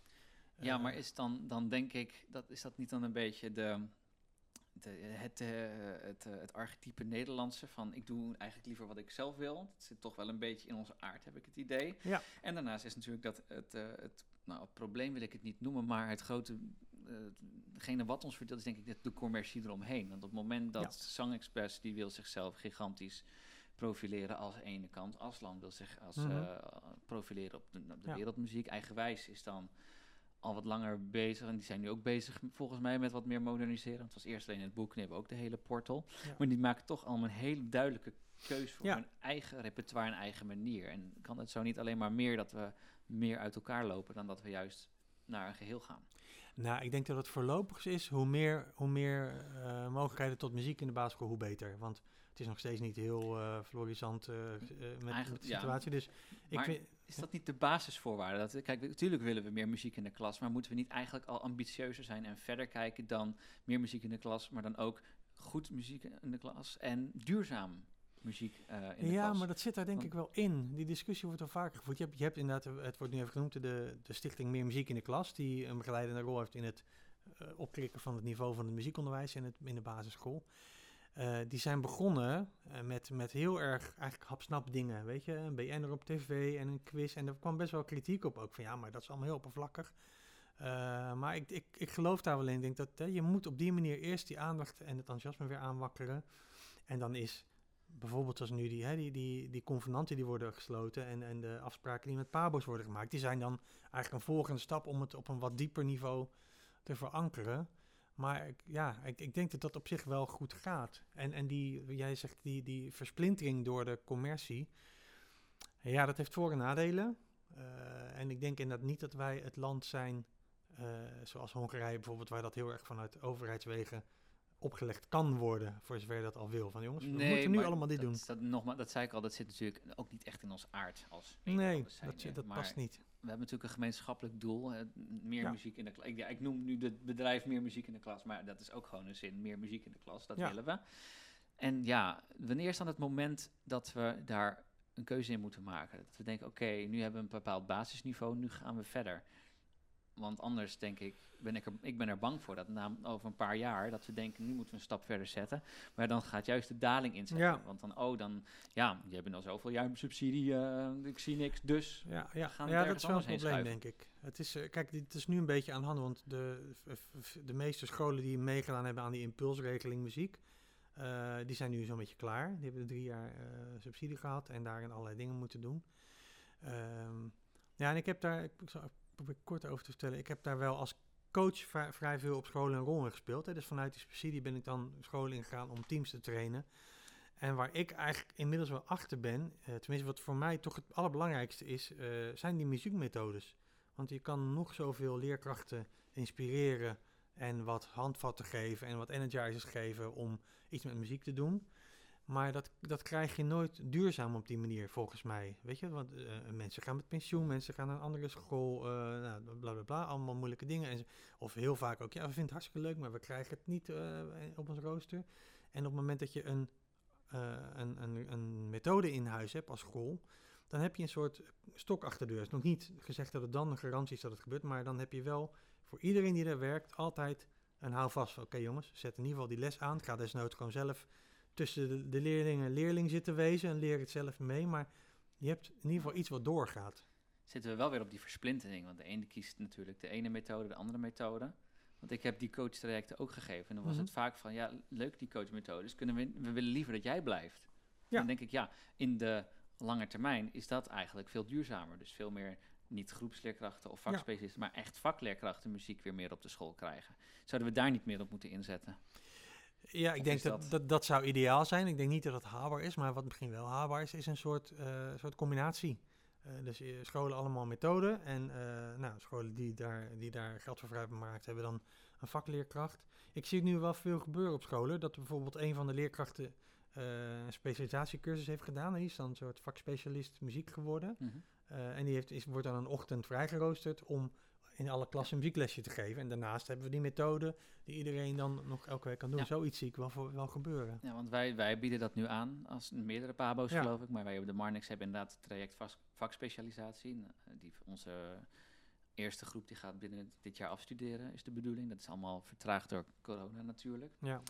Dus ja, ik, ben heel, ik hoop, ik ben heel benieuwd. Ik hoop ook heel erg dat zij nog fe- feedback gaan geven weer terug als zij straks in het werkveld zitten van, maar gebeurt het nu ook? Want je hebt dan die post-HBO kwalificatie. Krijg je dan ook die ruimte van de school? Want ik denk dat daar echt wel het boeiende zit. Eh, ik ben ook heel benieuwd, en dat heb ik in de vorige podcast ook gezegd, ik wil heel graag een eh basisschooldirecteur even een keer spreken. Ja. Van, goh, maar wat zijn nou je afwegingen om het wel of niet te doen? Ja. En dan, ja, dat is best ingewikkeld. dat is zeker Die ingewikkeld. convenanten spelen een rol, hè, dat, dat heel veel partijen zich committeren aan, aan meer muziekonderwijs. De pabo's spelen een grote rol, denk ik. eh, in, hè, en, eh, maar die methodes ook. Eh, ja, dus, dat, is inderdaad, dat is spannend of dat, of dat gaat lukken. Ik heb wel goede hoop hoor. Mooi. Dat is vooral de discussie natuurlijk die we hebben over eh, het meer muziek in de klas. Ja, nu terug weer even naar de kinderliedjes. Ja. Het kinderlied. Nou, ik had al, we al een paar besproken. Eén vraag die ik je wilde stellen. Want ik zat eh, een beetje onderzoek te doen ook. Ik denk van, nou ja, je schrijft kinderliedjes, je bent componist. Maar ik dacht van, even een vraag tussendoor. Van, ben je nou liever componist of liedjeschrijver? Eh, nou, als, je, als je het zo zegt, dan, is het, dan, dan klopt de vraag eigenlijk niet. Want eh, Oh, voor mij is een liedjeschrijver eh, een componist en een tekstschrijver. Snap je? Als je, eh, dus als je zegt, ben je liever componist of tekstschrijver? Misschien bedoel je dat, maar nee, ik bedoelde liedjeschrijver. Ja, want nee, want je, wordt, je heel vaak online liedjeschrijver genoemd. ja. Dus Ja, dat vind ik ik- grappig. ja, dan ik denk van, goh, hoe zie je jezelf dan? Dan liedjesmaker, Ik liedjesschrijver? zeg, nou, liedjesmaker vind ik al beter. Want voor, het, ik- voor mij is, is, het, is het sowieso al de elementen die in een liedje een rol spelen, zijn voor mij een soort eenheid. Ehm, maar dat geldt helemaal voor tekst en muziek. Zeg maar. ik, ik- ja, de, de tekst en de muziek in een liedje zijn voor mij even belangrijk. En, en beïnvloeden elkaar ook. Ik maak soms keuzes in de tekst doordat ik een bepaalde muzikale kant op wil. En ik maak keuzes in de muziek omdat de tekst een bepaalde kant op wil. Dus Heb je daar een voorbeeld van? Ehm, even kijken hoor. Eh, ja, dan moet natuurlijk even. Even graven, dat snap ik. ja. Nou ja, een- voorbeeld. Ik kan dat heel helder kan maken. Maar ik heb bijvoorbeeld het liedje Bengel de Engel geschreven. Dat is een kerstliedje. Eh staat in, daar komt Boegeman. Nou, he- heel kort, even met Ja. de gitaar. We hebben de gitaar er toch Het staan. eerste, het eerste eh, eh, er hangt een engel in de boom, overdag hangt hij stil. S'nachts wordt hij wakker en hij doet wat hij wil. Zijn vleugels zijn van zilver en zijn harp is van goud. Maar oh, wat is dat engeltje stout? Ja, dat is Bengel. Dat is Bengeltje de engel. Bengel de engel, aller, allerstoutste engel die er is. Nou, dat is het begin van Bengel de Engel. Ehm, daarbij was het, was het zo dat ik begon met het idee eh, van ik wil, eh, ik wil een, eh, een kerstliedje maken, maar het moet niet te braaf zijn. Dus ik, ik bedacht een engeltje wat een beetje stoute dingen doet. Hij, hij pakt de pakjes uit, hij gooit de kerstballen uit de boom op de grond, dat soort dingen doet Iets hij. wat een engeltje normaal niet zou doen. Iets wat een engeltje normaal niet zou doen, nee. Ehm, dus daar begon het mee. En toen dacht ik, ja, maar van, hè, wat voor muziek moet het dan worden? En toen dacht ik, toen kwam ik eigenlijk op rock and roll uit, omdat rock and roll natuurlijk een beetje rebelse muziek is. Dus ik, en ik dacht, ja, hè, dat past. Eh, in de rock and roll heb je bijvoorbeeld eh, heel veel van die binnenrijmende titels. Je hebt eh Tutti Frutti, Oh, ja. ehm, Tutti Frutti? ja, Tutti Frutti. Frutti? eh, nou, nog meer van, ik kon even niet op andere, maar dit zijn er meerdere. Rock, rock, uh, Ja, Club, Maar het gaat om het Tutti Frutti, dat het binnenruimt. Dus toen- kwam ik op Bengel Engel. dat is typisch ook zo'n rock and roll-achtig klinkend ding. Nou, en natuurlijk kwam ik op rock and roll muziek. Maar toen had ik wel al stukjes van de tekst. Ehm, en toen ben ik vervolgens hè, die tekst weer gaan aanpassen, zodat het qua ritme en metrum lekker loopt op zo'n rock and roll-achtige eh, ja, groove.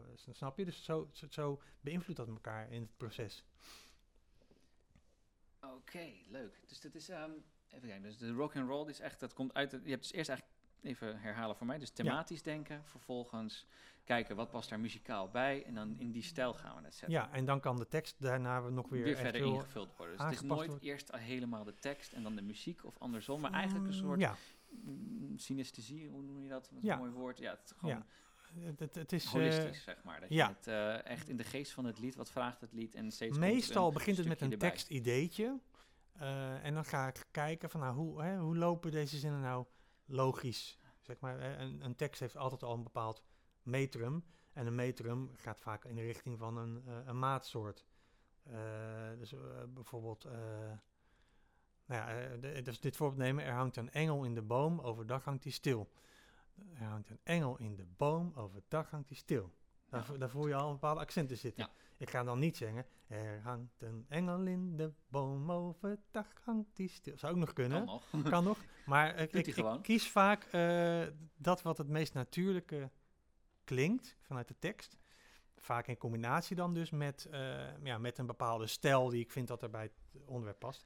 En die stijl probeer ik dan eh, ook, ook in een melodie terug te laten komen. Want je kan natuurlijk, een melodie kan je op heel veel verschillende stijlen eh, ja, zingen. Dezelfde melodie met andere, ak- andere akkoorden van andere groove.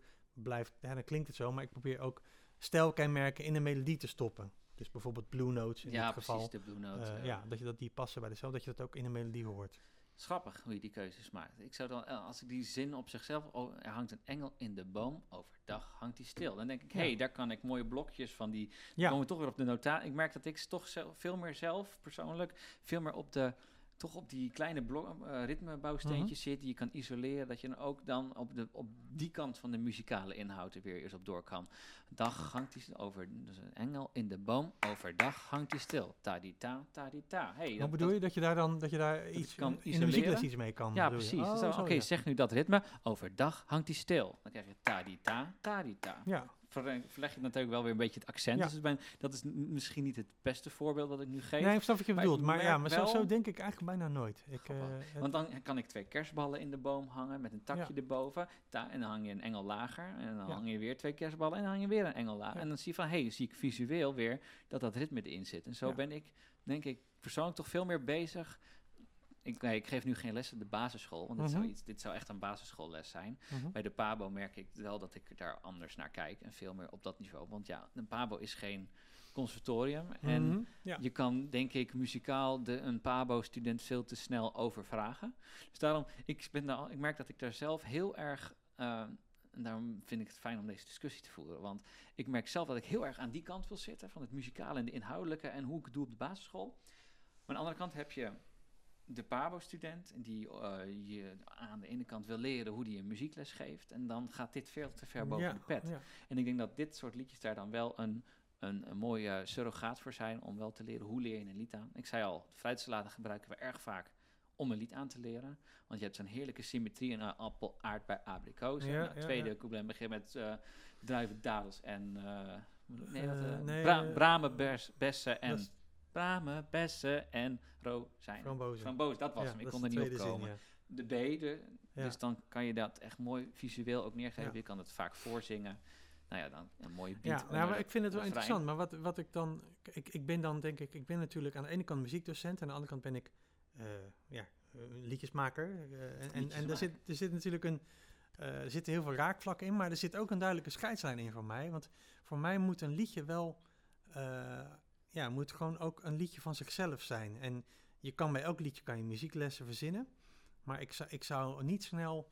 eh, ja, echt iets maken. Ja, soms ook wel, maar ik zou geen concessies doen voor mijn gevoel om iets dan, eh, ja, omdat ik het, dat ik dan in lessen makkelijk iets mee kan. Nee, je als je dit wel- voorbeeldje noemt, hè, van er hangt een engel in de boom, over het dak hangt hij stil. Dat noemde jij het geloof ik, hè? Ja, dat deed ik. Ja, Ja. Maar Als ik, als ik in die rock'n'roll eh feel zit, dan dan, zit dit er niet dan in. zit het niet in. Er hangt een engel in de boom, over het dak hangt hij stil. Ja, Ta-da-da-da. Dat is, dat is het rock'n'roll. Dus dat heeft voor mij dan verreweg de voorkeur. Maar neem, neem je dat dan ook als gegeven wat je dan die kinderen leert van dit is rock and roll en je leert wat over de stijl en thematiek of, of ga je, laat je dat dan onbelicht en ga, is het Kan. gewoon het, li- het lied op zich? Ja, maar dat, dat, daar schrijf ik het liedje niet voor. Maar eh, dit liedje komt uit, daar komt de Boogeyman. En daarin wordt dan wel aan de hand van het liedje genoemd. hey, deze stijl noem je rock and roll. Eh, dit en dit zit erin, waardoor het rock and roll is. Weet je, dat koppel ik er wel aan. Maar dat, dat komt pas erbij. Weet je, dat is net als 1, 2, 3 zin krijgt van mij een liedje. En die gaan vervolgens bedenken, wat kunnen we er allemaal mee? Ja, je, kan precies. altijd, je kan altijd twintig dingen bedenken die je ermee kan. Snap je? Ja, ik snap. Dat is wel grappig. Want ja, dit, eh, ik kreeg een mooi voorbeeld. Bijvoorbeeld, wat, wat heel mooi is om het mee te doen, is Rood Rood Mannetje. Want dat is een mooie structuur, duidelijke ritmecomponenten, een kleur die steeds verandert. Mhm. En, eh, en ja, gewoon een prettige rijm die dat gewoon blijft hangen bij kinderen. En je kan het heel vaak opnieuw doen. Ja. Rood, rood mannetje, rood is mijn hoed. Niks. Ja. Dan kan je gelijk het, het, eh, eh, het hele gegeven ik vind het wel de grappig. Jij, bent je meteen weer in het ritme aan het isoleren. Maar wat, wat, is, wat is dan je doel daarmee? Wat, wat wil je dan... Nou ja, mijn doel is niet zo... Ja, de doel ligt veel meer in de lange lijn. Dit is namelijk maar één liedje. Want Mhm. eh, dus, eh, rood, rood, mannetjes, ta, ta, ta, die, ta. Dat is één ritmebouwsteen. Ja? En ik heb ook een liedje wip, wap, op en neer, hoog en laag en nog een keer. En er zit wip, wap, op en neer. Dat is hetzelfde bouwsteen. Dus ik, uiteindelijk kan ik aan kinderen vragen als ik elke week zo'n half uur muziekles geef met verschillende liedjes. Dan kan ik het ritme klappen en dan kan ik zeggen, goh, welk liedje is dit? En dan hebben drie kinderen een ander antwoord. En dan weten ze, hé, hey, maar dat betekent dus dat dat hetzelfde is. En dan weten ze al dat ze dat stukje kunnen isoleren uit verschillende liedjes. En dan ben je dus al op kleuterniveau heel erg bezig met het analyseren van muziek. Je hoeft er dan nog niks mee, Mhm. maar je maakt ze er bewust van. Ja, En daarna ga je weer Ja. van, hé, hey, dit is weer een liedje met dat bouwsteentje. En zo Ja. heb je 26 bouwstenen. Nee, je kan het zo moeilijk maken als je wil, maar Mhm. laten we het op kwart en Ja. achtste noten houden. Dan op de lange lijn kan je zeggen van, god, nou, dan hebben we in Sinterklaastijd Ja. leg ik pepernoten Ja, wat neer. ik- wat En dan daar- kan je dat dus naar die notatie toemaken en ook voor die kinderen visueel maken. En dan heeft namelijk die noten, wat je namelijk in het begin zei, krijgt voor die kinderen betekenis. Want je hebt er namelijk heel veel voorbeelden in, nou ja, geïndoctrineerd is, is niet het juiste woord, maar ingeslepen. ja. ingeslepen. Ze, kan het, ze kunnen het benoemen, ze herkennen het. En of- dan opeens koppel je er later Ja. pas een visueel component aan. En dan is het eigenlijk door middel van je muziekles, zit het er al natuurlijk in. Nou ja, en dan dus daarom de ritmetaal en niet de fruitsoorten of, of, eh, of Mhm. ander random woord. Zodat je echt altijd een vast... ehm, ja, een vaste manier hebt hoe je dat dan sequentieel gewoon steeds kan uitbreiden. Maar ja, dat is dus, wat ik al zei, dat is een keuze die je kan maken in je muziekonderwijs. En dat is niet iets waar, denk ik, heel Nederland op zit te wachten. Nee, nou, wat ik, ik vind het wel interessant. Want ik zeg, wat, wat, wat ik er dan eh, tegen heb, heb is, hè, jij zegt van, oh ja, eh, eh, even terug naar het voorbeeld van Bengel Engel. Jij zegt van, nou, ik zou niet doen eh, ta da da ta, maar ik zou doen ta Want dan kan ik ze isoleren en dan kan ik die bouwsteentjes Als het in die, eh, in die visie van muziekonderwijs past. Ja, Kijk, op het moment ja. dat ik natuurlijk rock and roll ga aanleren als stijl en ik laat ook de Rolling Stones zien, dan Ja. ga ik natuurlijk dit lied spelen snapt, zoals maar, het nee, maar wat ik bedoel, wat de valko is, is dat je kinderen eigenlijk, ehm, dat, ik zeg niet dat jij dat doet, maar het risico zit erin dat je kinderen laat onderpresteren op muzikaal gebied, eh, omdat, omdat je de, de bouwsteentjes, omdat de bouwsteentjes anders niet kloppen, snap je? Want, want ta, titi, ta, titi, ta, kwart de achtste, Ja. dat is natuurlijk super simpel. Eh, en een, een kleuter kan, hè, als, als ik hem zeg maar op mijn manier zing, het engel in de boom over ta ta ta ta. Dat is iets met syncope en overbinding als je dat zou noteren. groep 3 kan het perfect zingen. Die kunnen dat uitvoeren, ta ta ta ta. Maar die zijn nog lang niet toe aan het begrip van, oh ja, dat zijn dan twee Ja. aksten en een boogje en een puntje. Snap je? Dus het, het risico is, dat is een van mijn, mijn bezwaar tegen imitatie, is dat je kinderen hè, dingen niet zou laten doen, omdat het in theorie misschien moeilijk zou zijn. Snap je? Ja, maar daar ben ik het ook weer niet mee eens. Want ik Ha. zal natuurlijk nooit zeg maar, mijn les alleen maar volstoppen met liedjes met die gegevens. Ik Ja. zal een liedje uitkiezen omdat er een mooie melodie in zit. Ik zal een liedje Ja. uitkiezen. Want wat je, ik ben het met je eens hoor, wat je zegt van een, een goed lied is een lied dat, dat kinderen graag willen zingen. Als ze het willen zingen, wie ben ik om jou tegen te houden met het zingen? Omdat ik vind dat er iets theoretisch niet aan klopt. Maar ja, dan heb je in het ene liedje heb je syncope, in het andere heb je dat. Want inderdaad, wat je zegt, die kinderen kunnen het ook gewoon zingen. Het is alleen voor dat stukje van wat je ze Ja. ook wil leren qua muzikale begrippen en inhouden, daar gebruik je dan die andere momenten voor. Ja, tuurlijk. Kijk, we kunnen het natuurlijk ook ombouwen naar het melodische. Nou, dan zouden we handzingen, solfa kunnen gebruiken. Ja, dan, leer, dan gebruik ik dat liedje ook niet. Dan gebruik ik ook een liedje met la, sol, la, sol, mi. Dat, dat die drie tonen. Of dat ik pentatonisch eh, ga aanleren. Zeg roodkapje, we gaan je heen en zo alleen, re, re, mi, et Mhm. cetera. Dat je dat soort liedjes gaat aanbieden. Dat hoort er ook bij. Maar ik denk dat dat hele pakket bij elkaar... Ja, ik denk dat we allemaal, een, een versplintering, dat we allemaal heel veel verschillende dingen willen doen. En de een die wil heel erg op het ritme, de ander erg op de melodie, de ander heel erg op Ja. de thematische liedjes, de ander, nou ja, je moet ook leren luisteren naar muziek, want voor kinderen luisteren naar muziek is echt al heel erg Ja, lastig. ja, maar dat kan je overal mee doen. Klopt. Ja, nou, ik, en ik, ik ben het met je eens, hè, dus versplinteren, maar ik vind die zin die versplintering wel goed, dat ik dan, ik zit vooral heel erg gewoon aan de kant van, laat mij maar liedjes maken, Mhm. eh, en ik ga niet nadenken over de, over, eh, dat doe ik wel natuurlijk, maar hè, ik gooi gewoon die liedjes de wereld in. Ja, en daar kan, je, daar kan iedereen vervolgens zijn eigen ding doen. Maar, maar jij zegt wel, bijvoorbeeld je zei van, ja, oh, je hebt gedaan eh, Engel in de boom overdag hangt die stil. Toen zei jij van, ik zou dan eerder doen, ta ta ta ta ta ta ta ta ta. Dus dan geef je toch aan dat Maar jij, als ik dat wil, hè? ja, Dus ik ga nu niet jouw liedje aanpassen Nee, nee, nee, ik nee, nee, nee. Maar als, als jij een liedje zou schrijven, zou jij misschien daarvoor kiezen. Als je een vergelijkbaar liedje zou maken. Als ik Misschien. met dat idee in mijn hoofd een liedje ga maken Ja. van ik wil het in die manier gaan gebruiken, dan zou ik dat Precies, doen. ja. Maar als ik ga zitten met een gitaar en ik ga een liedje ligt aan schrijven, het dan doel, komt doel van het wat lied eruit ook. komt. Nee, ja, Precies. precies. Ja. Kijk, eh, bijvoorbeeld op de master die ik heb gedaan, die eh, moesten we, hebben ook wel liedjes geschreven op bestaande pentatonische melodieën die gecomponeerd waren door Kodai. En dan zit dat er allemaal al in. Dus Mhm. dan word je al heel erg gelimiteerd en je hoeft alleen in de tekst te denken. Dus dan scheelt Ja. het alweer. En dan, maar ja, dan kom je ook weer richting dat hele Hongaarse gedoe van kunnen we dat in Nederland, ja of nee. Mhm. Dus dat vind ik, ja, dat vind ik een mooie discussie, zeg maar. Om het Ja, daar ik langer ook. over Nee, zeker. En, ja, wat En- ik leuk vind, zo, nou ja, nee, ik, ik, wat ik eigenlijk net al zei. Ik, ik, ik ben ook wel, ik ben me bewust van die discussie. En ik neem ook min of meer bewust wel een bepaalde positie in. Eh, want ik vind ook wel eens dat wij als muziekonderwijzers soms iets te krampachtig zijn over van, oh god, de kinderen moeten wel muziek, eh, ze moeten muziek dit, muziek dat, en anders dan, hè. Eh, en ik sta ook een beetje zo in van, ja, maar weet je, muziek is er ook gewoon, weet je. We hoeven ook niet al te bang te zijn. Muziek is gewoon onderdeel van de wereld, onderdeel van de mens. Mensen zullen altijd muziek maken. En wij zijn, dus wij kunnen misschien dat een beetje af en toe die kant op sturen en een beetje die kant op sturen. Maar wij hoeven eigenlijk kinderen niet, eh, wij hoeven niet, kinderen niet te leren. eh, ja, dat is ook niet helemaal waar, maar nou ja, muziek heeft ons niet zo hard nodig als wij nog wel eens denken. hm, die vind ik een mooie. Mooie quote, hè? We hadden een quote quote. nodig. Ja, nee, maar Nee, dat, dat geloof ja, ik wel, weet ik je. Ben het, ik ben het daar zeker mee eens. Muziek mag ook gewoon inderdaad muziek zijn. Je, eh, we, doen, we kunnen er soms veel te moeilijk over doen. En we kunnen er soms ook Ja. veel, veel te makkelijk over doen. Ik vind het zelf altijd heel prettig. En daar zoek ik dan mijn repertoire op uit. Dat ik er altijd iets bij kan doen. Nou ja, Ja. en eh, dat is het laatste puntje waar we het nog even over kunnen hebben. Want je doet ook veel met body percussion. ja, Dat klopt. vind ik altijd heel prettig. Ik vind het eigenlijk altijd op de basisschool, althans even in die praktijk van mij. Hier op de PABO is dat nog, verschilt dat nog wel eens. Maar als ik in de basisschool iets doe, of het nou bij kleuters is, en je tikt mee op de maat, of dat, je hele, hele moeilijke dingen gaat doen in de bovenbouw. Ik wil altijd dat ze zingen en eigenlijk er iets bij doen. Zodat er altijd, zei ik in de vorige podcast trouwens ook, dat er altijd een polyfone activiteit is, een meertonige activiteit. Dus je bent en aan het zingen en je bent met je ledematen bezig om te klappen. Al dan niet samen in klapspelletjes. Nou ja, Mhm. dat is lastig in coronatijd. Ja. Maar ja, dan heb je, en, en dat was de discussie die laatst op Facebook werd gevoerd door, eh, is met name even ontschoten, Marinus weet het niet meer. Marius. Marius, sorry, Ja. sorry Marius. Eh, als je haar luistert althans. Ehm, ja, want dat ging over het meerstemmig zingen. En is dat nog een doel Ja. aan zich op de ba- op de, in de basisschool? Nou ja, kathedrale koorschool doet het.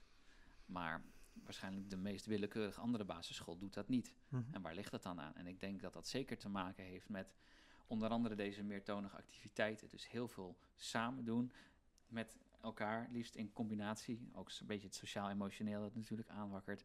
Maar het samenwerken op de juiste eh, maat en het zingen erbij. En ik denk als je die meerdere muzikale domeinen van het nou ja, KVB-model ook kan combineren Ja. in één activiteit, dan zit, worden er al bepaalde verbindingen ga- gemaakt in je hoofd. Dat je en luistert en zingt tegelijk en speelt. Mhm. En ik denk dat dat, denk je, hoe zie jij dat? Ja, ik, ik denk dat ben je er zeker zo bewust ook. mee bezig? Of nou, ik ben, je- ik ben daar eh, in die zin bewust mee bezig dat ik ook merk dat het, dat het een soort in mijn systeem is komen te zitten. Dus dat het niet zozeer bewust is, maar dat het er wel altijd in zit als ik liedjes maak. Dat er, ja, dat eigenlijk bijna al mijn liedjes hebben wel, hebben wel een, eh, ik noem het dan meer een soort activerende compo- component. Dus het is net of iets wat je, wat je een ritme erbij kan doen, maar ik heb ook bijvoorbeeld, dat is, het komt dan vaak in mijn concerten naar boven, dat eh, kinderen uit het publiek kunnen invloed uitoefenen op het liedje. Dus ze mogen iets roepen, eh, bijvoorbeeld mijn liedje Papegaai ging fietsen.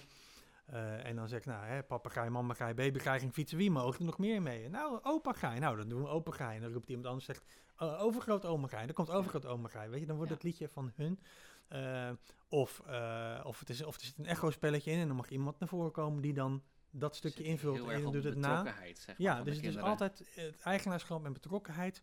Eh, dat zit altijd in. En dat komt natuurlijk wel uit mijn achtergrond als muziekdocent. Dat ik eh, weet inmiddels uit ervaring van ja, eh, activerende liedjes doen het het beste. Daar leren kinderen het snelste van. Blijven ze betrokken. en kan je allerlei andere lesinhoud ook aan koppelen. Dus, dus het, ik ben het in die zin met je eens dat het altijd meer moet zijn dan alleen zingen. Maar dat kan voor mij ook iets qua tekst zijn. Mm. Of, of, of, of ook over gewoon heel goed opletten. Weet je, als je, Ja. eh, als je dit woord hoort, moet je gaan staan. Of moet je weer gaan Oh, zitten. ja. Weet je, dat soort dingen. Bij elke A in Vader Jacob moet je gaan staan. Vader, Precies, ja. ja. Of, weer gaan zitten. Ja. Ja, ja, dat, doe ik, dat soort dingen zitten er vaak in, ja. Ja, papegaai, ik heb het je al een keer eerder gezegd, maar dat was echt een hit in mijn groep 8. Het was echt groep een kleuter- 8 ook. Ja, ja, Ja, groep jeetje. 8. En de, nou ja, wie mag er nog meer mee fietsen van de papegaai? Nou, Vlaamse gaai, Patricia Paai kwam voorbij. Oh, dat Patricia. ja, dat waren echt... eh, en in groep 8 vonden, wilden ze die zo graag doen. Ja. Dus ze kwamen met de meest bizarre Wat dingen. grappig. Maar dat, daar gingen ze van aan. Terwijl ze dan Ja. een ander liedje dan echt weer wat Nee, maar dat zit er misschien. Dus daarin. Want ik heb hem ook wel eens eh, op, een, op een studiedag van een andere pabo gedaan met studenten. Nou, de- net zo leuk inderdaad. Gewoon juist omdat je ze uitdaagt om iets te bedenken. eh, iets wat dan misschien eigenlijk net niet past. Of, nou ja, dat, dat is natuurlijk grappig. Maar er zit ook, denk ik, echt een soort ja, leerpsychologische component in. Dat, dat, de hersenen gaan daarop aan. En ik zeg in heel veel van workshop altijd... Het belangrijkste wat je in een goede muziekles moet voor elkaar zien te krijgen... is dat... eh, ja, dat is een woord dat ik zelf heb bedacht, maar de, de, de- hersens moeten zich spitsen.